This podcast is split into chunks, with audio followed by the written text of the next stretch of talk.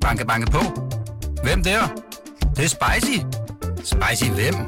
Spicy Chicken McNuggets, der er tilbage på menuen hos McDonald's. Badum, bom, tji.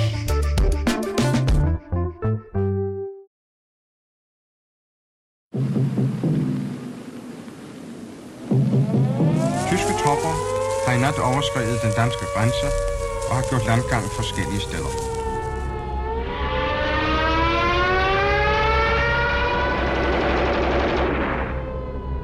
December 7th, 1941, a date which will live in infamy. We shall fight on the beaches.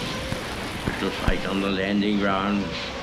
We shall fight in the field. Wir werden Ziel um Ziel zäh beharrlich erreichen.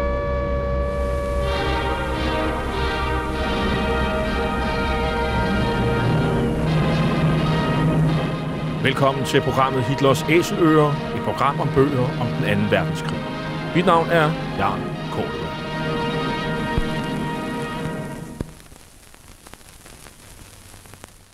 Den anden verdenskrig blev indledt den 1. september 1939 med det nazistiske Tysklands overfald på Polen.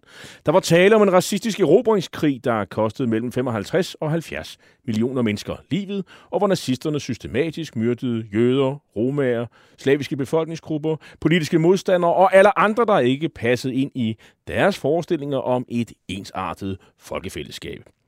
Nazisterne de blev i årene efter krigen dømt ved krigsforbryderdomstolen i Nürnberg, og flere af deres organisationer, såsom nazistpartiet NSDAP, SS og Gestapo, ja, de blev stemplet som ulovlige forbryderorganisationer. I denne serie, som vi har valgt at kalde for Hitlers æsler, præsenterer vi nogle af de mange bøger, som i disse år udkommer om den anden verdenskrig. Vi begynder programmet med meldingen i tysk radio fra 1. maj 1945 om, at Tysklands fører og rigskansler Adolf Hitler er faldet i kamp mod bolsjevismen, altså kommunismen. Men at han forinden har udpeget storadmiral Karl Dönitz som sin efterfølger. Og her fortæller storadmiralen, at kampen går videre for at redde tyske østflygtninge, der flygter mod vest. Der Führer hat mich zu seinem Nachfolger bestimmt.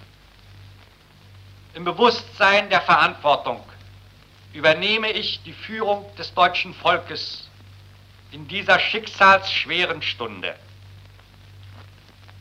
Meine erste Aufgabe ist es, deutsche Menschen vor der Vernichtung durch den vordrängenden bolschewistischen Feind zu retten. Nur für dieses Ziel geht der militärische Kampf weiter. Storadmiral Dönitz er altså leder af det her øh, stærkt øh, øh skrumpede tyske rige, øh, og, og det er jo skrumpet gevaldigt her i løbet af forårsmånederne 1945. Og til sidst så består det, det tredje rige reelt kun af nogle ganske få kvadratkilometer øh, lige uden for Flensborg omkring Marineskolen i Myrvik, eller Mørvig på dansk, hvor Storadmiralens nazistiske regering af de allierede får lov til at regere øh, helt frem til 23. maj 1945. Det vil sige længe efter den endelige og fuldstændige kapitulation den 8. og 9. maj 1945. Flensborg forbliver i den sidste tid et øh, smuthul, eller tilflugtssted både for nazister og krigsforbrydere, men også en scene for nazisternes øh, sidste krigsforbrydelser og i øvrigt nådesløs justits mod egne soldater, der vælger at nedlægge våbnene før tid. Mange af disse historier er samlet i en ny bog, Nazisternes sidste tilflugt, med undertitlen Maj 1945 i Flensborg, mellem ofre og gerningsmand, mellem ofre og gerningsmænd, der er udkommet på forlaget Hovedland. Og forfatteren er dig, Hans Christian Davidsen. Velkommen. Tak. Du er født og opvokset i Sønderjylland og har boet i Flensborg i mere end 25 år, og er til daglig kulturredaktør på den dansksindede Flensborg Avis, hvor du har produceret talrige artikler og lavet web-tv om kultur og ikke mindst historie om og fra grænselandet. Hans Christian, øh, hvorfor har du skrevet den her bog? Det er der flere grunde til. Altså, jeg viser øh, jævnligt rundt i Flensborg øh, danske turister, når de er i byen. Og der har jeg lagt mærke til, at mange kender godt den her historie om øh, Dönitz-regeringen, øh, men øh, der stopper det så også. Altså alt det, der fulgte med Dönitz-regeringen, alle de historier udenom, dem kender man, man, man stort set ikke. Og der kommer jo rigtig mange danske indkøbsturister i, øh, i Flensborg, og jeg synes, øh, den der kontrast med, at nogle af de allerstørste banditter faktisk skjulte sig lige bag Kalles eller Scandinavian Park, de her store øh, indkøbsmekkaer, som danskere de besøger, der, der, der forsøgte de her banditter at, at skjule sig. Øh, Øh, så er der også en anden øh, ting, det er, at Dönitz-regeringen ofte bliver betegnet som en øh, ubetydelig parentes, og det, det kommer an på perspektivet, fordi det mener jeg ikke helt, man kan sige, fordi under Dönitz, altså i de dage, hvor Dönitz han, han var i, i, i Flensborg, der for, var der jo et kæmpestort hvidvaskningssyndikat, hvor mellem 2.000 og 3.000 øh, nazister simpelthen øh, ja, blev sluset ind i samfundet igen. Mange af dem fik øh, nye identiteter, så det kommer an på perspektivet, om, øh, om man mener, at det var en, en øh, ubetydelig parentes. Så er der lige en ting til, det er også for at bidrage til en aktuel diskussion, hvordan skal man markere det her i byen? Skal man markere det? Øh, oprindeligt der havde jeg lidt en, øh, en idé om at lave sådan en, en ala, bog ala politikens uh, turen går til besættelsestidens uh, København, men der har jeg så haft en diskussion med mig selv, hvor jeg har været, hvor jeg tænkte på, at jeg også skulle heller ikke komme for langt ud og bevæge mig derud, hvor man begynder at komme der, hvor, om det er, man begynder at give sådan en, et anstødsten til en, øh, en slags naziturisme. Det har jeg også været, været pindød øh, bevidst om. Og balancen, den er jo hårdfin, kan man sige. Det er den, ja. ja. Fordi der er jo en naturlig interesse at, at se nogle af de her historiske steder, ja. øh, og ikke mindst øh, ud fra en... Et, et ønske om at vise øh, offerne respekt, øh, mere end at hylde gerningsmændene, ja, kan præcis. man sige. Øhm, øh, før vi sådan øh, kommer til krigens sidste dage i Flensborg, som er det, vi taler om her i dag, øh, så prøv at fortælle lidt om, om, om byens historie. Øh, fordi det ved du jo selvfølgelig også masser om, og, ja. og skifter dig med til daglig. Og, altså, øh, hvad kan man sige om Flensborg her øh, i, i 20'erne og 30'erne op mod, mod krigen? Altså, hvor, hvordan stod nazismen i, i Flensborg og Slesvig-Holsten generelt? Jamen altså, nazismen i øh, Slesvig-Holsten, den, den stod simpelthen stærkt. Øh, det var jo i landbrugsområderne i Tyskland, at øh, nazismen stod allerstærkest i Mecklenburg, Pommern og Østpreussen og, og Slesvig-Holsten. Går du ind på på nettet og søger et landkort øh, over de her øh, valg i, valgene i 32 og 33, så vil du se et landkort, der er totalt brunt i Slesvig-Holsten. Og den brune farve, det er, det er jo naturligvis synonym med. Så hvis det er sådan landbrugsorienteret, øh, øh, protestantisk, øh, ligger mod nord, så, så er, er, stod nazismen øh, stærk. Ja, det gjorde det. Altså ved rigsdagsvalget i juli 32, der var Slesvig-Holsten den øh, delstat med det højeste øh, øh stemmetal for NSDAP på 51 procent. Og ved valget i marts 33, der var, der var tallene endnu højere op mange steder. Nogle sovne, sovne langs grænsen, de lå mellem 75 og, og 85 procent. Kun overgået Østpreussen. Ja. Øhm, men hvordan er det så i, altså var, var Flensborg som by og, og, og Slesvig-området, Holstig, var det sådan nazificeret, øh, vil du sige det? Generelt. Altså, det blev ret hurtigt nazificeret, fordi der foregik jo også en, en, en hæftig grænsekamp. Og på mange måder, der var Slesvig-Holstenerne, altså de tysksindede Slesvig-Holstenere, de var jo langt mere rabiate i den her øh, grænsekamp. Øh, de, øh, de ville jo have Nordslesvig tilbage, og det kunne ikke gå hurtigt nok.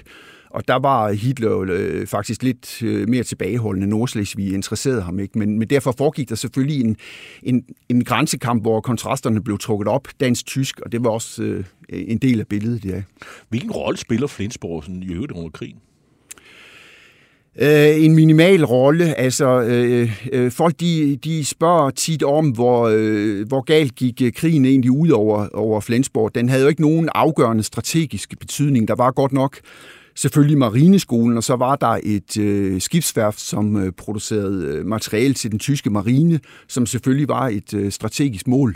Men der var, øh, hvis man kigger tilbage på det, var der overvejende øh, få øh, situationstegn vellykkede øh, bombetogter. Øh, og de blev blandt andet, øh, altså det var blandt andet dårligt vejr, der, der flere gange øh, satte en stopper for nogle af, af, af togterne. Men der var selvfølgelig nogle fuldtræffere. Altså, du tænker på de allierede bombede? Øh, ja. Og, og ja, der var faktisk et, øh, mens vi er ved det her, altså de, de bomber i, i maj 43, og, øh, hvor 82 øh, mennesker blev dræbt, og, og det går faktisk også ud over nogle, øh, en, en dansksindet børnehave. Ja, det gør det. Øh, der, blev, der omkom 15 børn, men øh, børnehaven havde søgt, øh, eller to øh, Øh, øh, pædagoger, eller de var i virkeligheden ikke pædagoger, men to voksne havde den dag, lige nok det den dag, søgt, øh, søgt øh, ly i det, der skulle være et øh, bombesikkert rum. Øh, og det viste sig så ikke at være, var de blev i børnehaven, var der ikke sket noget, men øh, det gik ud over 15 danske børnehavebørn, og cirka 80 omkom ved det her angreb. Det er jo en med peanut sammenlignet med Hamburg, øh, det ved jeg godt, men, øh, men øh, den her ulykke øh, kom, øh, har et, hvad skal man sige, et, øh, øh, en erindring, i Flensborgs erindring kan man lidt sammenligne det med, angreb, med Sjælhuset i, øh, i København. Men det er jo også voldsomt, kan man sige. Ja. Øhm, Hitler, han holder tale i, øh, i byen. Han er, ikke, han er ikke så tit i Flensborg. øh, Nej. Men, men han er der i, i 32. Ja, han var på Flensborg Stadion i 32, og der var øh, omkring 40.000 mennesker øh, ude på stadion. Men det er i forbindelse med en valgkamp, kan man sige. Ja. Det var mens der stadig var frie valg i Tyskland. Ja. Og, men bogbrændinger, øh, som øh, vi, der er jo de der film, vi ser med Goebbels, der brænder øh, øh, bøger af i Ja. Berlin og sådan noget på en stor plads. Øh, det, det har man også noget af i Ja, det foregik på den store parkeringsplads, som mange danskere sikkert også kender, øh, når de parkerer deres biler og er på øh, indkøb i Flensborg, nemlig på den plads, der hedder Exe. Øh, og det skete jo kort efter øh, nazisternes magtovertagelse i 33. Og øh, der boede også jøder i, øh, i Flensborg på Ja, et tidspunkt. det gjorde der også. Ja. Og, øh, og de blev også udsat for Ja. chikane i forbindelse med den såkaldte Rigskrystalnacht, som ja. i Tyskland øh, har ændret navn til... Reichspogromnacht, ja. Ja Hvorfor, hvorfor hedder det det nu? Jamen, det er fordi, man mener, at krystal har et lidt, øh, en lidt positiv klang. Selvom at krystallet, det var det, der blev ødelagt, havde jeg indtryk af. Det Ja, var, det vinduerne. var knust glas. Ja, ja, øh, knust glas, ja. Så, men det er en strid om ord, kan man sige. Ja. Nye tider, så sker der noget andet. Men, men det gik altså også ud over øh, tyske jøder, der boede i, i Ja, Flensborg. især på øh, gågaden Holmen faktisk, ja. Ja. hvor mange danskere også, også kommer forbi. Så var der også øh, der, øh, og det var selvfølgelig 9. 11. 38 i forbindelse med, med Krystalnatten, så var der også et øh, jødisk landbrugskollektiv lidt uden for Flensborg, der blev smadret. Det hed øh, Schäferhaus, og det var Ja, man kan faktisk sige, at det var en slags øh, kibbutz i vores øh, område, øh, og der blev alle jøder øh, arresteret og interneret, og der ligger også øh, de her stolpersteine, hvad hedder de, Snublesten, som ja. også øh, er kommet i, i Danmark. Øh, Så dem er der også nogle stykker af. dem er der øh, 30 af, okay. cirka 30 af i Flensborg, ja. Og dem kan man jo så se, hvis man kommer til Flensborg. Hvad vi er flere, der gør, øh, Ja. øh, holder meget af at komme til Flensborg. Mange af dem gemmer faktisk på en, en rigtig spændende historie. Ja. Det, øh, så det ja. tip er hermed øh, øh, givet videre. Og, og, og man kunne sige, Stolperstein, øh, det er jo, det kunne jo måske også være en, øh, det er jo en del af det her rendrings øh, kultur omkring, i hvert fald de, de, de jødiske øh, øh, medborgere, som, som blev udsat for nazisternes øh, overgreb. Øh, men, men er der en, øh, i øvrigt øh, et ønske fra Flensborg by til ligesom at erindre deres, den her jød, øh, jødiske øh, fortid, kunne man vel sige. Jeg ved ikke, hvor mange jøde, der er en jødisk menighed i Flensborg i dag, men, men er, er, der, er der gjort sådan øh, øh tiltag på ligesom at rente de, de, ting, der overgik jøderne i Flensborg i, øh, i 30'erne og 40'erne? Altså, bortset fra snublestenene, så er der ikke nogen øh, mindesmærker, der er ikke nogen mindesmærker, der, der direkte nævner jøderne. Det er, det er som regel altid sådan lidt vage formuleringer med offrene for nationalsocialismen, og det er jo et, det er jo et vidt begreb. Men Flensborg som by under krigen spiller jo ikke nogen speciel militær rolle. Og, og, men der graves jo spærringer i grænselandet. Øh, der skal jo forhindre allierede styrker i at kunne trænge ned sydfra fra Danmark. Øh, og det foregår, jo, har jeg indtryk af, i, øh, i hele grænselandet, det ikke det? Ja, øh, man anlagde... Øh, du tænker på den her Frisenvold eller Friservold, som blev anlagt i efteråret 44, det er korrekt. Øh, Øh, den blev, øh, det var en pansergrav, som simpelthen skulle øh, graves hele vejen fra Holland op til Danmark. Og der satte man korsetfanger fra Nøgengamme udelejrene, nemlig, nemlig Lartelund og Schwesing, som ligger ved Husum. Den satte man til at grave de her, de, de her pansergrave. De fik dog ingen praktisk betydning og blev de facto opgivet allerede i februar 45. Men det er sådan set det. Så har vi været Ja. hele vejen omkring. Ja. Men øh, nu tager vi udgangspunkt i øh, Karl Dönitz, øh, stormiralen, som jo så skal oprette en, en ny rigsregering i, i, i Flensborg. Og det vil sige, at Flensborg bliver sådan en, øh, en Reichhauptstadt efter Berlin, øh, fordi Berlin er jo faldet til, til, til russerne. Og øh, jeg vil lige sige til lytterne her, at øh, vi har faktisk været omkring øh, Dönitz liv sådan i øh, detaljer, og, og i et tidligere program med udgangspunkt i forfatteren Barry Turners bog, som du også henviser til i øh, din udmærket bog, øh, Hans Christian Davidsen. Og øh, dengang var gæsten øh, kommandør Paul Gros, og så vil man vide mere, så, så podcast det program. Øh, hovedvægten i dag ligger på, hvad der skete i majdagen i omkring øh, Flensborg. Og, øh, men altså, vi kommer ikke udenom, øh, vi skal lige sådan, øh, Karl Dönitz, øh, han er storamiral, og han er leder af den... Øh, den, den tyske krigsmarine på, på det her tidspunkt.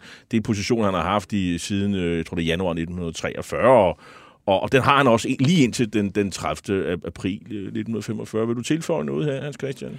Jamen, jeg vil sige, at det var jo pudsigt, at han fik sin uddannelse på Marineskolen. Øh, han blev... Øh, altså i Mørvi? Ja, i Mørvi, hvor, hvor han så sluttede sin karriere, kan man sige. På den måde havde han en, en forbindelse til, til Flensborg. Men det var ikke usædvanligt, at de fleste officerer... Nej, naturligvis. Det, det var det ikke. Og han er jo oprindeligt fra Berlin. Ja, og, hvor han fik en en total preussisk, øh, typisk preussisk opdragelse med vægt på, øh, på flid og disciplin og lydighed. Altså alle de, de ja, typiske billeder, vi har om, om preusserne. Og han er født i 1891, kan, kan man tilføje, og, og ja, han, øh, under, under Første Verdenskrig, så går han ind i ubådsvæsenet blev bliver taget til fange til krigen, og øh, lærer sig øvrigt engelsk, og så efterfølgende så fortsætter han i, i det, der hedder Reichsmarine, og og jeg tror, han er ude at sejle med den her krydser, der hedder Emsen, øh, Emden på et tidspunkt, hvor han jo også møder Hitler. Og, øh, og så er det så ubådsvæsenet, øh, han fokuserer på i begyndelsen af krigen. Altså han udvikler den her rudeltaktik, eller Wolfpack,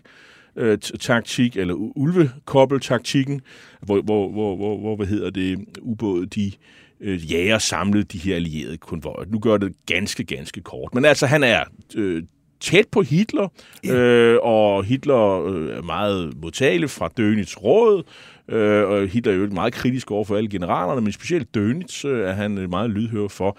Så øh, det er måske en af baggrunden for, at, at det er Dönitz, som Hitler udpeger som efterfølger. Jamen, det er det. Altså, Hitler havde ikke længere fidus til hverken rigsmarskal øh, øh, også øverstkommanderende for Luftwaffe, Waffe Hermann Göring, og han havde heller ikke fidus til SS-rigsfører Heinrich Himmler. Øh, han mente, de var to forrædere der i for, øh, foråret 45, som man ikke længere kunne stole på. Det kan man sige, øh, hvis man skal endelig se det fra Hitlers øh, synspunkt. Altså Göring havde jo fra sin øh, base i øh, Obersalzberg i, i Bayern, der havde han jo, som blev det i hvert fald opfattet i, i førerbunkerne øh, i øh, Berlin, stillet Hitler et øh, ultimatum, hvor, hvor Göring han bad om at overtage magten. Og Himmler havde også følere ud mod Vestmagten og forsøgte også øh, uden Hitlers vidne at øh, indgå fredsforhandlinger. Og det gjorde jo Hitler rasende. Øh, Derimod Dönitz havde altid været 100 procent øh, lojal over for, for Hitler. Og han, Dönitz var ikke en del af, af det der cirkus i de sidste dage i Berlin, hvor alle spytslæggerne, de ligesom øh, kiggede på, hvilken vej skulle de gå. Skulle de følge Hitler, eller skulle de øh, forsøge at hoppe af på en eller anden måde?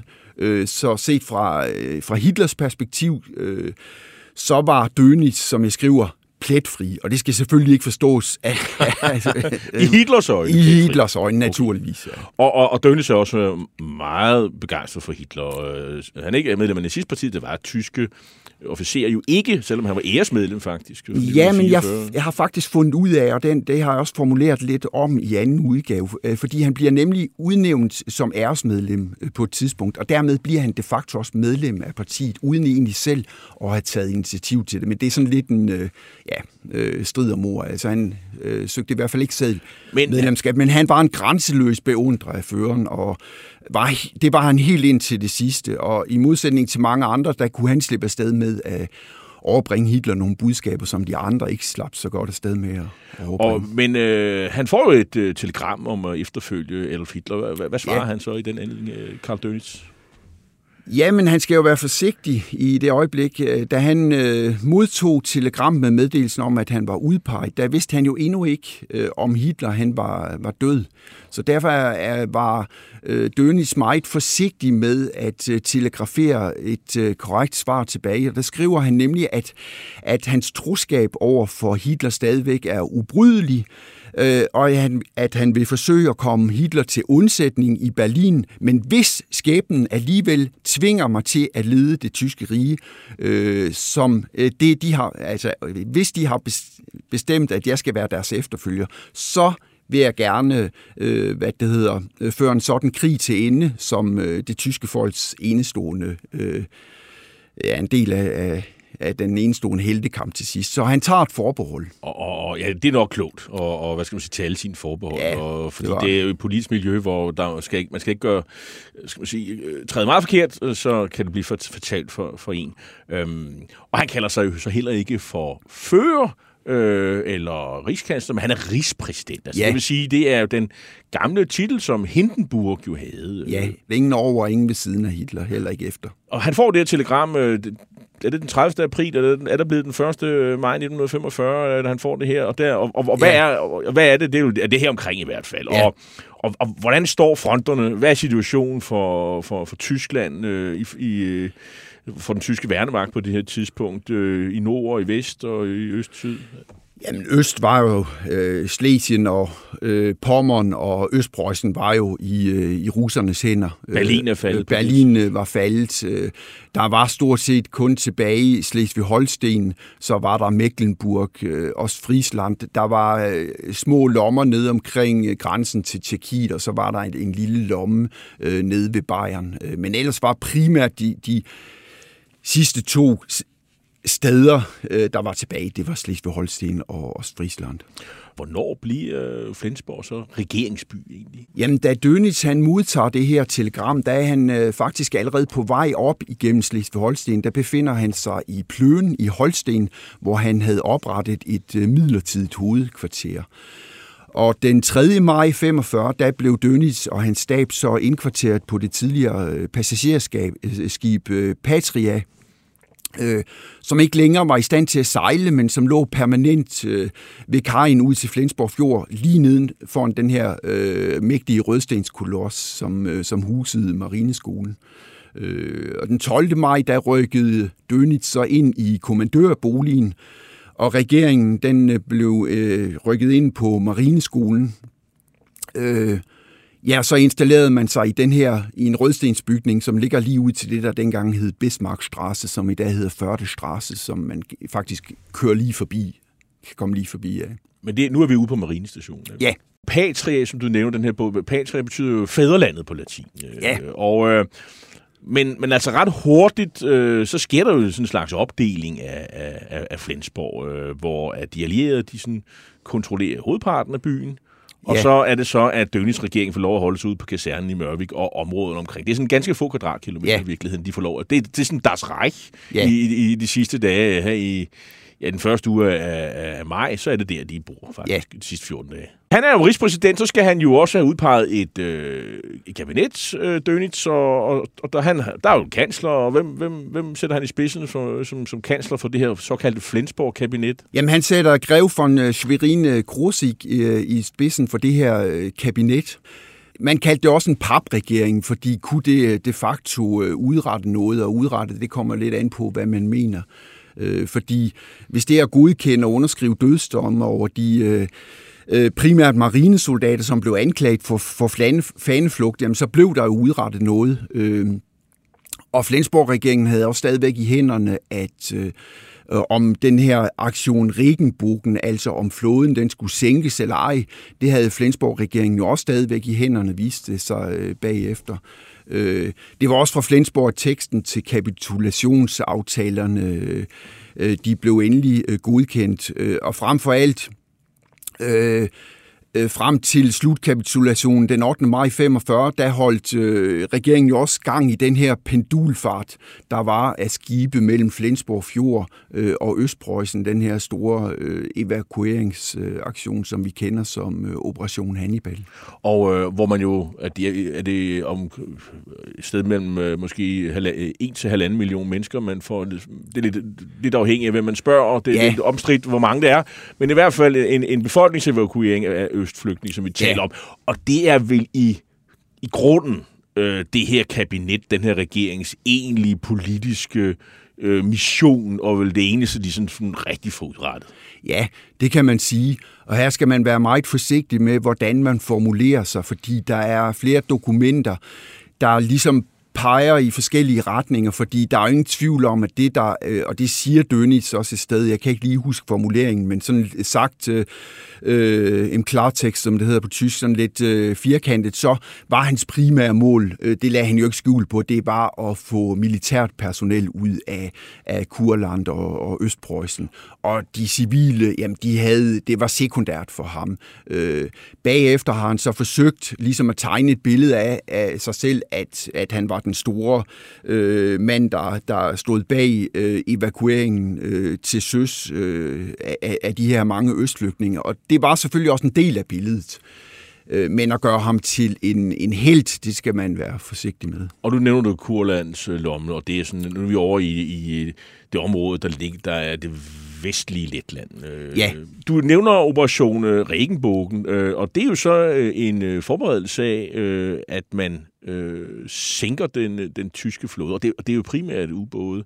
det er sådan en aktion, man jo egentlig har liggende i skuffen i, i tilfælde af, at man er i gang med at skulle kapitulere. De her, øh, den her flåde skal jo ikke falde i fjendens hænder simpelthen. Men Dönitz han aflyser jo Operation Regenbogen. Ja, Altså, Aktion Regenbogen er en besynderlig og øh, historie netop om en ordre, der blev udstedt af Adolf Hitler allerede omkring 43. Øh, jeg mener, det var, du må ikke lige hænge op på det, omkring årsskiftet.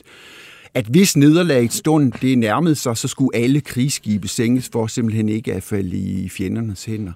Og efter Hitlers selvmord øh, 30. April 45, der blev ordren trukket tilbage af hans efterfølger, øh, altså Karl Dönitz, men, mens han regerede på øh, Marineskolen. Ved, ved man hvorfor?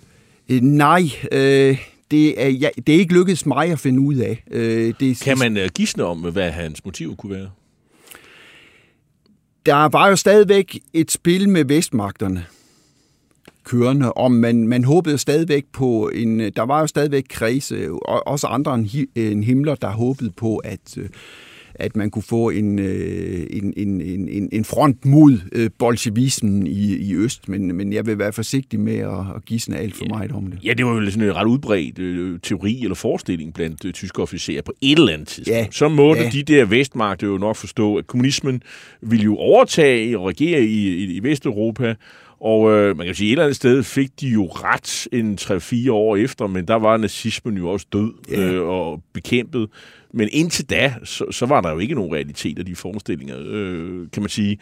Men øh, kunne man forestille sig, at han siger, at de, øh, de våben kunne blive aktuelle, når man nu øh, slog pjalterne sammen med, med USA og, og Storbritannien, og bekæmpede Sovjetunionen. Det kunne man godt, men jeg vil stadigvæk være meget forsigtig, fordi øh, hvem, hvem der gav ordren til at gennemføre aktion Regenbogen i sidste øjeblik, det, Øh, det, det siger kilderne ikke noget om, altså det er da endnu ikke lykkedes nogen øh, helt at, at fastslå. Det skete bare over radioen fra Flensborg, ved man.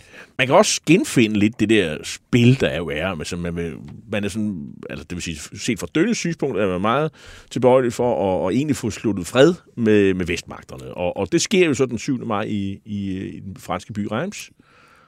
Og, ja. øh, og så, men altså, det var ikke ret længe, så må man jo altså også øh, sende nogen til øh, Berlin den 8. maj, ja. og så øh, underskriver man også en kapitulation i, øh, i Berlin den 8. maj.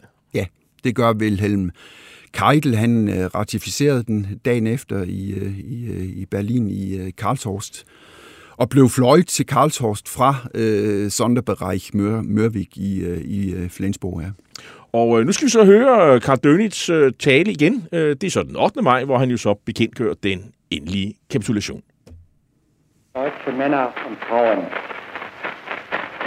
In meiner Ansprache am 1. Mai, in der ich dem deutschen Volk den Tod des Führers und meine Bestimmung zu seinem Nachfolger mitteilte, habe ich es als meine erste Aufgabe bezeichnet, das Leben deutscher Menschen zu retten. Um dieses Ziel zu erreichen, habe ich in der Nacht vom 6. zum 7. Mai dem Oberkommando der Wehrmacht den Auftrag gegeben, die bedingungslose Kapitulation für alle kämpfenden Truppen auf allen Kriegsschauplätzen zu erklären. Ja, og øh, han siger nu her, at øh, Karl Dönitz, at øh, våbnen de tiger fra kl. 11 den 8. maj 1945. Og det sker jo fra en, øh, en, ny radiostation, øh, Reichscenter Flensburg. Altså, fordi øh, i Berlin, hvor man jo tidligere har haft en Reichscenter, øh, den er jo så været tavs. Ja, den var jo faldet i tid. russernes hænder, ja. Så ja. hvis man så skal meddele sig til den store, bø- ja, til hele Tyskland i virkeligheden, så er det via Reichscenter Flensborg, som vi, vi, vi hører her. Øhm, og, øh, og hvor er i byen er, er det, at, øh, at øh, den her Reichscenter Flensborg sender fra? Jamen, det skete på det centrale postkontor, hvor hotellet Alte Post øh, i dag har til, øh, til huse. Så det, hvis man kører øh, omkring havnen, og, Ja. og ja, faktisk fra, fra Danmark øh, og ind i byen, Ja, du kan skal man bare se det. fortsætte på højre hånd, så ligger det der. Ja, du kan simpelthen, ja. der ligger lige på hjørnet af Rathausstrasse og, og Nordre Hofenden, så du kan ikke undgå at se den. Nej. Øh, egentlig var Flensborg ikke særlig egnet til at sende radiosignaler øh, til, til hele det slagende tysk rige, og det var også primært Nordtyskland, der fik de her øh, signaler.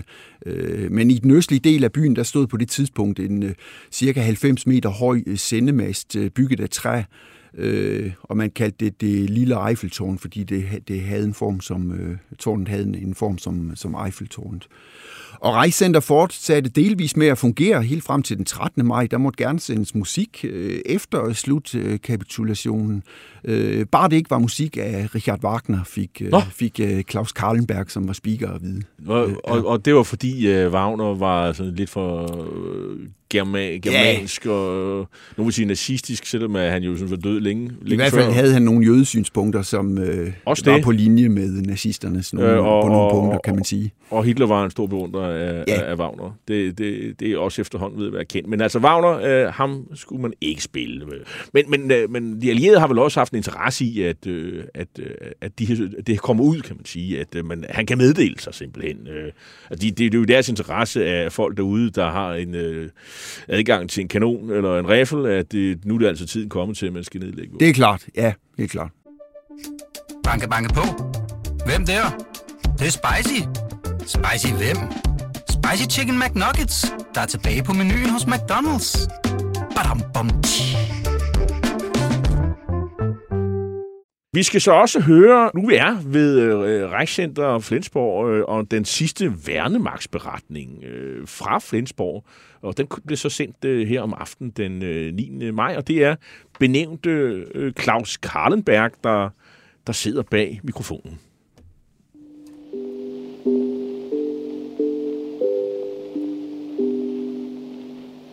20 Uhr und drei Minuten. Reichssender Flensburg und die angeschlossenen Sender. Wir bringen heute den letzten Wehrmachtsbericht dieses Krieges. Aus dem Hauptquartier des Großadmirals, den 9. Mai 1945. Das Oberkommando der Wehrmacht gibt bekannt. In Ostpreußen haben deutsche Divisionen noch gestern die Weichselmündung und den Westteil der Frische bis zuletzt tapfer verteidigt.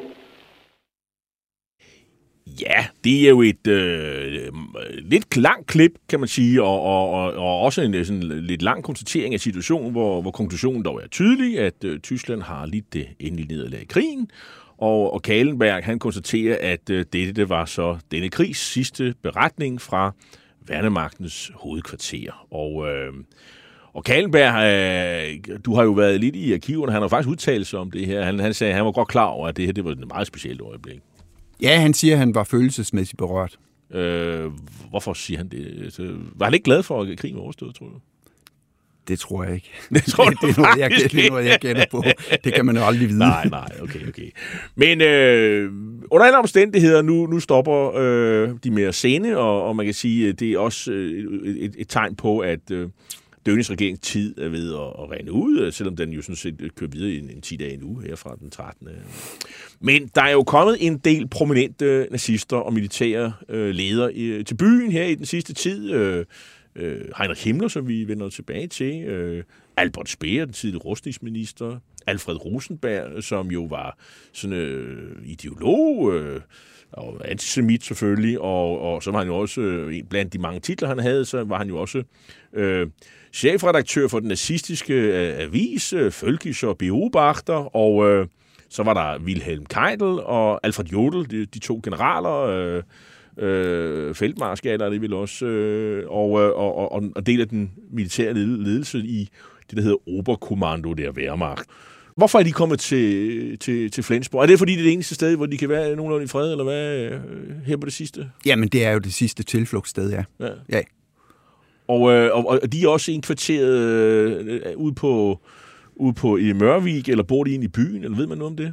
Øh, jamen, der, de fleste var indkvarteret på, øh, i området i, i Mørvik. Øh, Albert Speer, han boede på det gamle danske kongeslot, øh, Lyksborg øh, Slot, okay. eller Schloss Glücksburg, som, man, som det hedder på tysk. Øh, som Lidt, kongefamilien jo stammer fra. Ja, ja. Og, øh, og hvor, hvad, hvad hedder han, Frederik 7. han udåndede tilbage i ja. 1863 ja. i de her novemberdage, som er en helt, helt anden øh, historie, men jeg kan i hvert fald anbefale alle danskere om at tage ud på, på Schloss Glücksborg. Det er smukt, Ikke fordi at Albert Speer boede derude, og det, det, det, der, det er nok den dårligste grund, men af alle de andre grunde, som har noget med at gøre med vores øh, nationshistorie at gøre i hvert fald. Øhm, hvad, hvad sker der sådan øh, siden med regeringen her i, i Mørvik? Fordi altså, øh, der sker sådan en langsom indskrænkning i dens virke.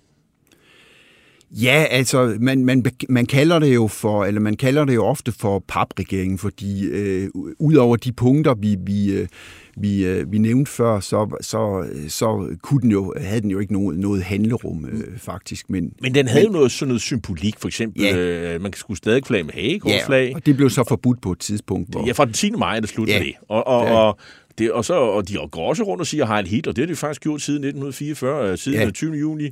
Altså det fejlslagende kupforsøg, så er det jo ikke noget med at og gøre honør i den tyske her, så er det noget med at sige Heil Hitler, ja. for ligesom ja. at understrege, at det er altså chefen ja. selv, man og, og, og, og det, det bliver der også sagt for de allierede, som jo er rykket ind i byen jo. Det bliver øh, også forbudt på et tidspunkt, ja. Øh, slut med det. Ja. Og 14. maj, der fjernes øh, Adolf Hitlers portræt fra, fra kontoren inde i Mørvik. Ja, fordi der havde i øh, nogle dage i de britiske aviser kørt en diskussion. Der var man i, i øh, Storbritannien øh, vældig ophidset over, hvor, hvorfor man overhovedet lod den her regering fortsætte. Det kunne man slet ikke se øh, ideen i. Øh, og der på, der den 14. maj, der var øh, Anthony Eden, altså den britiske udenrigsminister, han var, han var nødt til at reagere og øh, forlagde også Winston Churchill øh, kritikken fra de britiske aviser.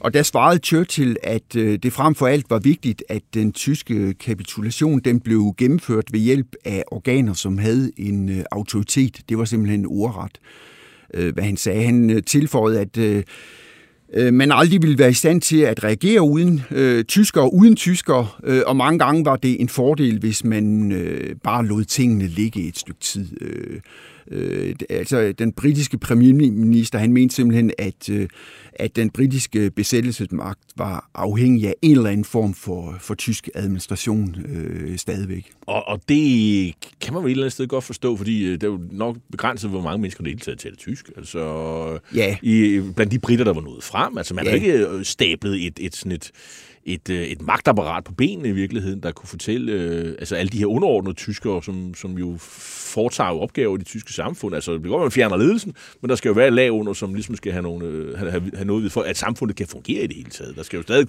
tømme skrald, og der, posten skal øh, ud og alt det der, ikke? Også det, og så kan man sige, at der er en anden ting, som jeg, jeg lægger vægt på, øh, det kan nogen så modsige mig, men, men den amerikanske general øh, Ward Rooks, han understregede også den 18. maj, at øh, de vestallierede ikke burde foretage sig noget, før Sovjetunionen var orienteret og havde billigt en afsættelse af Flensborg-regeringen. Øh, og jeg ser det sådan, at øh, russerne havde jo allerede fået deres trofæ i Berlin, hvor man havde hejst øh, hammer og sejl over rigsdagen. Øh, Øh, så man, øh, vestmagterne havde også brug for deres trofæ i, øh, altså i vest, men det skulle ikke ske, uden at, øh, at russerne var, var inddraget på en eller anden måde. Men altså, regeringen har stadig jo ikke øh, beføjelser temmelig lang tid. Altså den, indtil den 15. i 5. Altså, og det er altså en uge efter, man har kapituleret, ikke bare altså over for russerne, øh, i Berlin, øh, altså vi tæller den totale kapitulation, så har man altså i en uges tid kunne udstede dødsdom, og vel, også kunne øh, effektuere dem, har jeg indtryk af. Ja. Øhm, det stopper så den 15. 5. altså 15. maj, og så øh, begynder man at afvæbne værnemagtssoldater. Altså de har stadig kunne få lov til, i hvert fald på de der, de der per, per kvadratkilometer ude omkring Mørvik, der har de altså kunne gå rundt med, med våben. Det er slut med det den 16. 5. Men officererne, de kan få lov til at beholde deres sidevåben. Ja. Så det vil sige, øh, man kan stadig have en pistol eller en sabel eller et eller andet. Ja. Og så øh, arresterer man 2.000 nazister i Flensborg øh, den, den 18 maj, så der har man måske øh, blandt dem i øvrigt også benævnt Alfred Rosenberg. Så der er man jo et eller andet sted Ja, det er jo den, det er jo den 23. Øh, maj, de bliver, øh, altså den sidste naziregering endelig bliver, bliver arresteret. Men, men altså, man arresterer jo stadigvæk nogen. Altså, Ja. og, og, så man har åbenbart haft styr på, at der var, har været nogen... Øh, altså, byen er jo fyldt med, med nogen, der ikke rigtig har noget med Mørvik-regeringen at gøre, som Ja. man kan arrestere, fordi øh, de går rundt på gaderne jo, nogle af de her folk. Jamen, det er rigtigt. Altså, byen var lovløs på det her tidspunkt. Øh, øh, Der er også beskrivelser fra værtshusene rundt omkring, at der er uro i gaderne, og at der løber folk rundt med, med våben, og det gør natur- naturligvis også britterne utrygge af. Ja, fordi for inden så har regeringen, altså Dønsregeringen, erklæret Flensborg for åben by. Ja. Og det, jeg kan huske, der var en, en, en, en, gammel krigsfilm, der hedder Rom Åben By. Ja. Øh, og hvad betyder det? Fordi det har sådan set en, en særlig betydning, fordi der blev ikke kæmpet omkring Flensborg på, på rigtigt. Nej, altså Så- en åben by, det er jo det modsatte af en festning, kan man sige. Ja. Øh, Det er simpelthen, vi overgiver os, altså hvis, hvis øh, når britterne ruller ind, jamen så vil det være uden kamp. Og det er faktisk allerede den 4. maj, at naziregeringen erklærer Flensborg som åben by. Altså, og ifølge Haag-konventionen fra 1907, og det er jo ikke altid, at øh, tyskerne har overholdt den, øh, at den ikke vil forsvare sig i tilfælde af angreb. Altså, Flensborg åben for besættelse. De, I kan bare komme. Øh, Vi, vi ja. sætter os ikke til modværk. Nej. Så, så, så det er jo sådan set det, der, det, der er tale om her.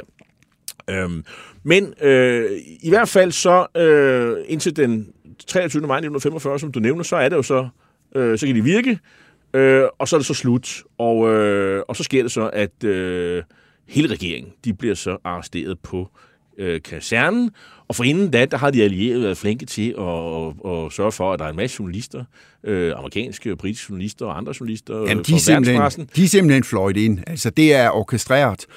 Øh, og det var jo et stort show, der, eller øh, medieshow, der skulle sættes i gang, ja. Der er stillet kameraer op Ja. med mikrofon, så man får alle billederne med. Og, og vi, nu er det jo et radioprogram, så vi kan jo ikke vise billederne. Det kan man gå ind og se på, på YouTube efterfølgende. Det er rigeligt dokumenteret. Men øh, vi kan i hvert fald få et lille lydbillede, kommer her. Fiasco among the German puppets at Flensburg. The last scene of the damnation of Hitler's Reich was played at the North German port of Flensburg. An Allied Control Commission took over the comic opera government of Admiral Dönitz, the self-appointed Führer number two. There have been few more satisfying pictures than these. High-ranking Germans, the last big-shot gangsters left after the surrender, line up like any other Commoner Garden prisoners. Portrait of Admiral Wagner doing a bit of thinking. Plenty of the old arrogance still remains, but it'll probably wear off in time. Det var lydbilledet fra britisk propaganda, der jo så ledsager de her billeder især tyske flådeofficerer, der med hænderne over hovedet kom ud af Marineskolens bygning i Mørvik, eller Mørvig. Øh, og som vi hører, så kan speakeren ikke nære sig at udtrykke sin foragt. Altså, vi hører om øh, den her comic opera government, den komiske opera, øh, operette-regering. Øh, øhm, og som vi ser, så består den tyske arrogance, øh, men den fordamper nok med tiden, øh, bliver der sagt. Og, og senere så får vi billedet af den, den lille rottefjæse, den lille rottefjæsede admiral Dönitz, og øh, den tidligere rustningsminister Albert Speer, general Jodel, og som også er blandt de arresterede, men altså ikke øh, krigsmarines øh, sidste chef, øh, admiral Hans Georg von Friedeburg. Det er jo som ham, der på vegne af Tyskland underskriver den endelige kapitulation ved, ved flere lejligheder, fordi øh, han har samme dag taget en cyankaliumpille, Øh, så i stedet så viser britterne øh, i den her film, vi lige øh, hørte lydbilledet fra, hans afsjælede læme i en seng. Ja, det var ikke sådan en tid, hvor, hvor britterne viste sådan det, det store øh, hensyn. Øh, det, det, må, det er synd at sige. Dönitz, han øh, bliver så anklaget ved Nürnberg-domstolen for, for krigsforbrydelser og forbrydelser mod freden og have planlagt øh, øh, den her krig. Og øh, øh, altså, han bliver så frikendt for, for et enkelt af punkterne her, men øh, samlet set så får han 10 års fængsel, øh, og de bliver så afsonet i Spandau, øh, som ligger sådan nord vest for Berlin, og, øh, og han sidder faktisk i samtlige 10 år. Øh, han får jo sådan en, en lille øh, fangedragt, og så står der nummer to på, altså måske en henvisning til... Øh, at han var nummer to i øh, efter Hitler. Øh, øh, og han blev så løsladt i 1956 og blev pensioneret, og han dør som 89-årig i 1980.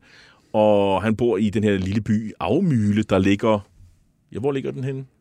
Øst for Hamburg i, men stadigvæk i delstaten øh, Slesvig-Holstein. Ja. Øh, og Speer, som vi har nævnt, Albert Speer, han får 20 år, mens Jodel øh, og også Keitel, de bliver dødsdømt og henrettet. Og selvom at krigshandlingerne mange steder faktisk er ophørt øh, længe inden den 8. maj, så bliver flere marinesoldater øh, og andre omkring Flensborg i øvrigt skudt øh, for, for, for faneflugt og, og Hans Christian Davidsen, dem har du faktisk øh, ristet en lille rune for i nogle af de her kapitler, som øh, fylder i din bog her, og det synes jeg, vi skal bruge lidt, noget af tiden på at, at tale om. Øh, øh, blandt andet øh, Asmus Jebsens historie, som øh, den meget, meget kendte tyske øh, folkemusiker eller protestsanger Wolf Biermann jo også har gjort øh, sit til for at udbrede hans historie. Hvem, hvem var Asmus Jebsen?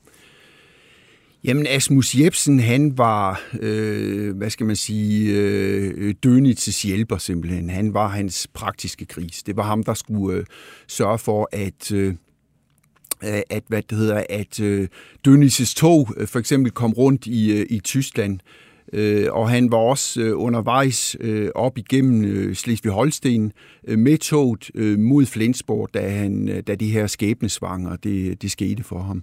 Øh, der, hvor Wolf Biermann kommer ind i billedet, det er, at Wolf Biermann han har i mange år haft øh, øh, eller øh, holdt ferie ved Flensborg Fjord og er kommet i kontakt med, øh, med Asmus Jebsens efterfølger og har så øh, også øh, skrevet en, en, en sang og øh, optrådt ved flere koncerter med, med historien om øh, Asmus Jebsen. Øh, As, Asmus Jebsen han fik til opgave at få Dönitz' tog ført fra Potsdam øh, ved Berlin via Pløen i Holsten øh, op til Flensborg, hvor rigsregeringen jo ville øh, oprette sit nye hovedkvarter. Øh, tog til sikkerhedspersonale bare øh, øh, latte håndvåben, og, og på en af vognene var der også installeret anti-luftskyts, øh, på tysk en flugabwehrkanone, eller flak, øh, som, som det også kaldes. Øh, og med på tog, der var Karl Dönitz' private ejendele, også øh, sjældne forsyninger med overdådig mad og drikke, radioanlæg og efterretningsudstyr og stålskabe med øh, hemmelige øh, dokumenter. Øh, men det her tog, det stoppede i en lille stationsby, der hedder Sørup, som ligger i ja, midt i det gamle danske land, Angel. Og der kunne lokomotivet simpelthen ikke køre længere, og radioforbindelsen til, til Flensborg, den blev, den blev afbrudt. Øh, og Asmus Jebsen, han skulle på det her tidspunkt have vidst, at, at Dönitz førte forhandlinger med øh, den britiske feltmarskal Montgomery. Øh, så han gav simpelthen øh, ja, ordre om, øh, at øh, øh til sin vagter om ikke at skyde på de her sultne mængder i Søop, som opsøgte toget, øh, og sørgede også for i et samarbejde med øh, den lokale borgmester, øh, der sørgede han for, at de madvarer, der egentlig var, var blevet tiltænkt øh, nazispidserne i Flensborg, at de i ro og orden simpelthen blev øh, udleveret til de mange flygtninge, der var i, i området. Øh, Ja, og dokumenterne, der tilhørte overkommandoen i krigsmarinen, blev taget frem fra de pansrede øh, stålskaber og simpelthen brændt. Øh, og Asmus Jebsen, han gav så soldaterne, der var med på toget, deres papirer tilbage med besked om, at de var fritaget for tjeneste og kunne tage hjem. Og derefter så til sidst, der besluttede Asmus Jebsen simpelthen at tage til fods hjem til, øh, til sin landsby, der lå cirka 15 km væk. Han stammede fra øh, området og han genså så sin øh, familie den, øh, den 4. maj øh, om aftenen. Man ved ikke, om Asmus Jebsen på det tidspunkt havde hørt om de tyske øh, styrkers øh, overgivelse i Nordvesttyskland. Øh, overgivelsen blev proklameret næsten på det klokkeslæt, da Jebsen han forlod toget i Sørup med kurs mod familien derhjemme øh, Og den nazi-kontrollerede radiosender øh, kaldte heller ikke begivenheden for en øh, kapitulation eller overgivelse, men for en, en våbenhvile. Men for Asmus Jebsen, der var, der var øh, tjenesten og krigen, den var forbi. Øh, Og Næste dag gik han så ned og meldte sig øh, på den lokale øh, politistation, øh, fordi han simpelthen ville undgå at blive anklaget for øh, faneflugt. Øh, men kort tid efter det blev han øh, så øh, afhentet af det hemmelige tyske feltpoliti og anholdt for øjnene af sin, sin kone og sine børn. Og så blev han stillet for Marinens domstol i Flensborg og anklaget for faneflugt og plyndring af varer, som tilhørte det tredje rige. Og alle hans indsigelser, de blev simpelthen fejret af bordet med argumentet om, at han havde tilsidesat klare instrukser, og uretmæssigt havde taget del i plyndringer ved blandt andet at øh, tilrende sig kaffe og tobak og opløst sin enhed, og simpelthen animeret sine soldater til at, at forlade tjenesten. Han blev aldrig rehabiliteret rent juridisk, men, men dog moralsk, hvis det kunne være en trøst for, for familien. Hvordan det? Jamen, han har fået en vej opkaldt efter sig i, øh, i Flensborg. Øh, og der, øh, hvad det hedder, der er også kommet en, øh, en pæn sten øh, op øh, på Adelby Kirkegård i, øh, i den østlige del af, af Flensborg. Og så har Wolf Biermann komponeret en sang. Ja, også det. Ja, det spiller også en og rolle. det gør jo selvfølgelig, den øh, hans historie bliver lidt øh, mere kendt. Ja. Så, ikke? ja. Øh, men øh, nu sidder der måske en enkelt eller to derude, som tænker, Asmus Jebsen, det lyder godt nok dansk. Lad os slå fast. Han, øh, han var tysk, og han talte Han var tysk. tysk, ja. Men ja. der er rigtig mange øh, af de her mennesker, der bor i det her område i Angel her, øh, som øh, har danske efternavn, simpelthen fordi det område øh, var det et gammelt dansk land, og de har, måske har hans forfædre også talt dansk på et tidspunkt. Altså indtil 1800, der talte man dansk i området. Ja. Øh, øh, hvad det hedder, sprogskiftet, det skete i løbet af 40 år ude i det område. Ja. I, I begyndelsen af, af 1800-tallet. Ja. Og øh, han var øh, desværre ikke alene, Asmus Jebsen. Øh, der er også en anden historie om, øh, om tre unge marinesoldater. Faktisk er de fire, der, der, der deserterer, men det er kun tre øh, marinesoldater, som det går ud over. Og, og, og de ender jo så også med at, at blive skudt. Hvem var de? Og hvad var det, de gjorde?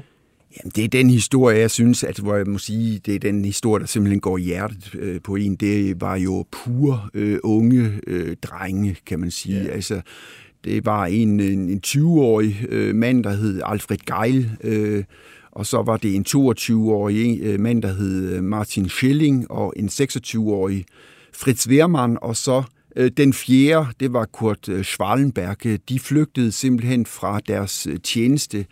De gjorde tjeneste i Danmark og flygtede fra deres tyske enhed i Svendborg den 6. maj øh, 1945.